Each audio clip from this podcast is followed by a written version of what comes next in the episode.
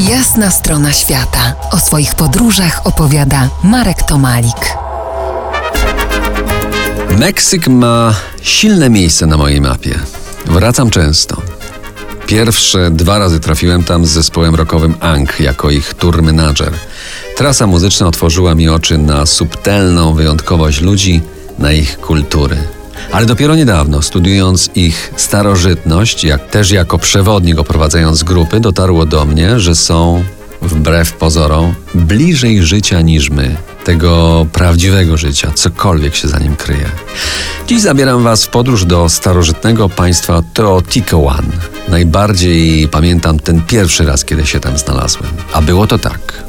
Po kilku tygodniach spędzonych w północnym Meksyku gnaliśmy na samolot na ostatnią chwilę. Zapadła decyzja o podróży samochodem w nocy. I to nie był dobry pomysł. Plan zakładał dotarcie nocą do San Juan Teotihuacan, czyli nocleg jak najbliżej słynnych piramid i podziwianie ich o świcie. Zatrzymała nas jednak policja, oferując pomoc.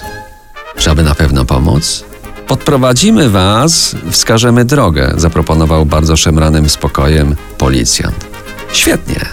Dziękujemy, szukamy właściwej drogi, odparłem, nie przeczuwając niczego złego, a zło się już szyło.